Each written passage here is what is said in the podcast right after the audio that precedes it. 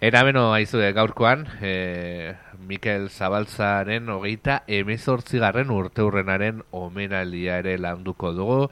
Igande honetan, izanen dugu itzordua horbaizetako olan, baina ez da kasuarekin izanen dugun e, itzordu bakarra gaur, arratsaleko zazpitan, auriz berriko liburutegian, Bueno, ba, Mikel Zabazaren kasuaren inguruko ikerketaren e, liburua aurkeztu eginen du lera ikerguneak. Eta hau guztiaz eh, solasteko, ba, beti jotzen dugu, e, Mikel Zabazagoan herri plataformako kiretara gaurkoan, gurean dugu, Ainoa, bueno, gurean e, hemen telefonaren bestaldean, beraz, ongi etorri emanen diogu, Ainoa, buenari, Ainoa, egunon, zer moduz? Egunon, enek, ongi tazuek. Ongi, ongi, ere bagoaz e, hemen landalan eta zuekin egoteko gogoz e, hortxe, e, ba, bueno, Mikael Zabalzaren hogeita emezortze garren urte hurrena e, dugula aurtengoa, baina konta eguzu pixkat zein testu ingurutan e, kokatzen da aurtengo Mikael Zabalzaren omenaldia? Ba, bueno, e, bidean, erran dezakegu. E, iazko 2008 bateko, otxaiean izan zuen e, Eusko Jaurlaritza aldetik ez, Mikael Zabalzak biktima gisa aitorpena eta aitortu izan zen e, intxaurrondon hil zutela. Eta Nafarrako kasuan aldiz, e, ba, bueno, orainik e, ez gara ez, aitortza e, puntu horretara heldu, bidean gaudela erran dezakegu. Osatuta dagoia da, kasu honi lotutako batzordea, baina, bueno, pizkat horrela heltzen gara hogeita mezortzi garren omenaldira. Mhm. Bide batean murgiluta oraindik, pentsatzen dugu urratz bat gertuago e, egia justizia eta erreparaziotik, baina oraindik e, alarma edo guardia jaitzi gabe. Mhm. Aipatu zu, Euskal Autonomia Erkidegoko gobernuak e, Mikel aitortu egin zuela estatu bortizkeriaren e, biktimatzat, nola ikusten da pausuari plataformatik? Ba, bueno, baloratzen dugu guzti positiboa eta ezinbestekoa dela, pentsatzen dugu ere ez, urraz bat eh, gertuago kokatu gaituela e, justizia eta erreparaziotik, baina oraindik ere aipatu duan bezala luze, bidea luzea dela, eta justizia eta erreparazioaren aldarria oraindik e, gurean mantendu egin behar dugula. Eta bueno, beti ere e, omenalditik eta zuek antolatako e, ekimenetatik e, bueno, e, nabarmentzen da e, lantzen den e, gaia. E, ezakitu e, aurten zein e, gaitan edo ze perfiletan e, zentratuko zareten e, omenaldiaren e, kari? Ba, bitu, aurtengoa justo bi, bueno, mugimendu feministak markatutako bi data garrantzitsuen artean kokatzen da azaren hogeita zeia. Bezperan, e, bueno, bihar, azaren hogeita bostean indarkeria, emakume honganako indarkeria mazistaren kontrako eguna izan, izanik. Eta azaren hogeita marrean, e, lehen aldiz Euskal Herrian, greba feminista orokorra deituta izan da, ba, iruditu zitzaigun, e, ba, bueno, urtea proposazela, pizkat, e, tortura eta emakumearen gaiari heltzeko, ez? Azkenean bihar, e, bueno, ari ben elkartuko garagu eta indarkeria matizari gabeko bizitzak aldarri. Eta hogeita marrean, ez? Piskat, e, ba, bueno, guztion bizitzak erdigunean jartzen bideia horretatik tiraka, e, ekarri nahi izan genuen gai hau, ba, bueno, iruditzen bizitza egulako ere garrantzitsua azimarratzea torturak e, beti izan duela bigarren aurpegi bat tortura patriarkalarena. Hori ere oraindik tamalez e, aitortua ez dagoena eta praktika sistematikoa izan den honek izan duela guztiz e, modu transversal batean e, zapalkuntza patriarkal hori.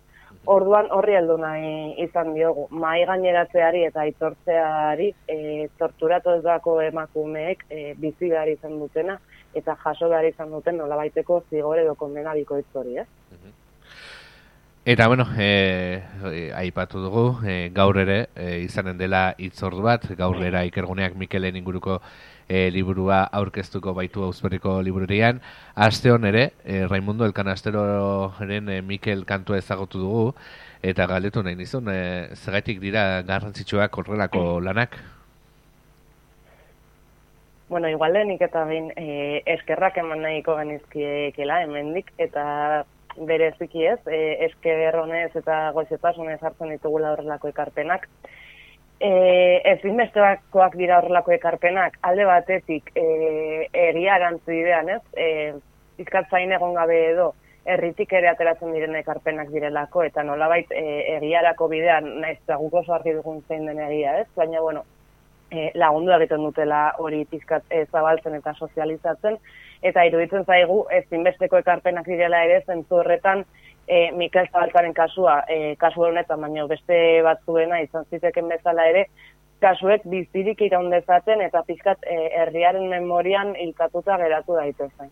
Beraz, bueno, e, izan liburuak, abestiak, baina e, denboran hiltatuta geratu daitezen egiten diren ekimen guztiak bereziki interesgarri eta eta ezinbestekoak baloratzen ditugu. Eta, bueno, eh, aipatu beharra da ere urtean eh, zehar ere kontrako adibideak topatu ditugula, eh, Mikel Zabazaren kasuarekin, Arturo Espejoren kargu igotzea, hainbat eh, politikarien eh, esanak, e, zer suposatu dute horiek eta nola bolaratzen duzu ere e, ba, bueno, e, egondako horiei emandako erantzuna? Ba, bueno, kasu hauetan e, agerian geratzen dira, ez, azkenean gobernuen kontraesanak, kontraen ba, kontraesan batzuk mina e, amorrua eta sufrimendua eragiten duten, eta zauriak berriro ere zabaldu edo egointzat izteko e, bueno, ozotuak suposatzen dutenak, badirelako ez, azkenean e, impunitatearen adibide bat, eta ematen dutenak ez nolabait atzera aurratz bat egitearen e, sentsazio bat. Mhm. Honekin ez dugu erran nahi ez, e, bidea izan behar duenik e, zigorra, e, guk argi erraten dugu zigorrak ez direla bidea, baina e, ez dakit. Benetan e, aitortza bat, e, justizia bat eta erreparazio bat egonen balitz, horrelako egoerak e, ez liratekela e, posible horrelako herri batean, ez? Eta, bueno, izkat, eh, adierazten dute, agerraldiaren genuen bezala eh, horbaizetako e, kulturoran, hor familiak eh, esaldi garrantzitu bat botazu ere, zela, tortura aukeratu dute eh, egia eta justiz, no, justizia eta erreparazia aukeratu beharrean. Eta iruditzen zaigu horrek adierazten duela oso ongi zer den eh, gertatu dena, ez?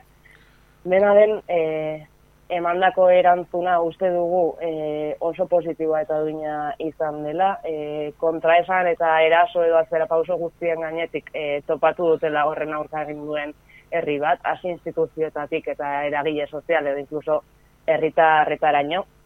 Eta harri dela, ba, bueno, e, aezkoan eta orokorrean ez, badagoela memoria daukan herri bat eta ez dituenak horrelako erasoak onartuko.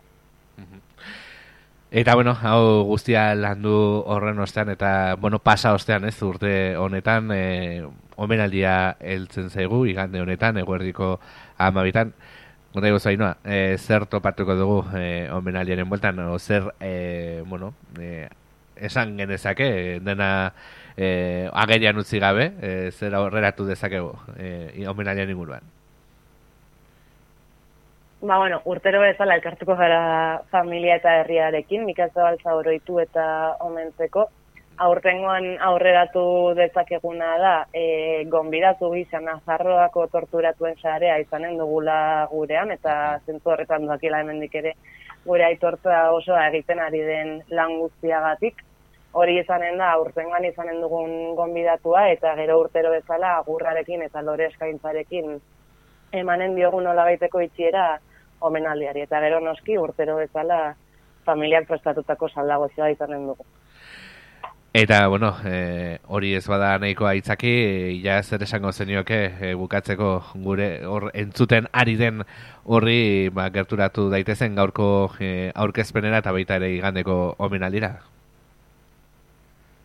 Mm, ba, bueno, itzuzitan erratearen, e, ona iritsi gata gara izan dela urteetan herriak eta bereziki familiak egindako lanari esker, e, badela ez, e, gora ipatzekoa egindako bidea, eta omenaldira etortzea badela letxo txiki bat e, jartzeko modu bat. Beraz, animatzea mundu guztia e, Mikel oroitu eta omentzeko antolatzen dugun ekimentxo honetan parte hartzera, eta, ba, bueno ez, herriak atzen duko ez duen e, hori e, erakustera, eta memoria duen herri bat dagoela erakustera.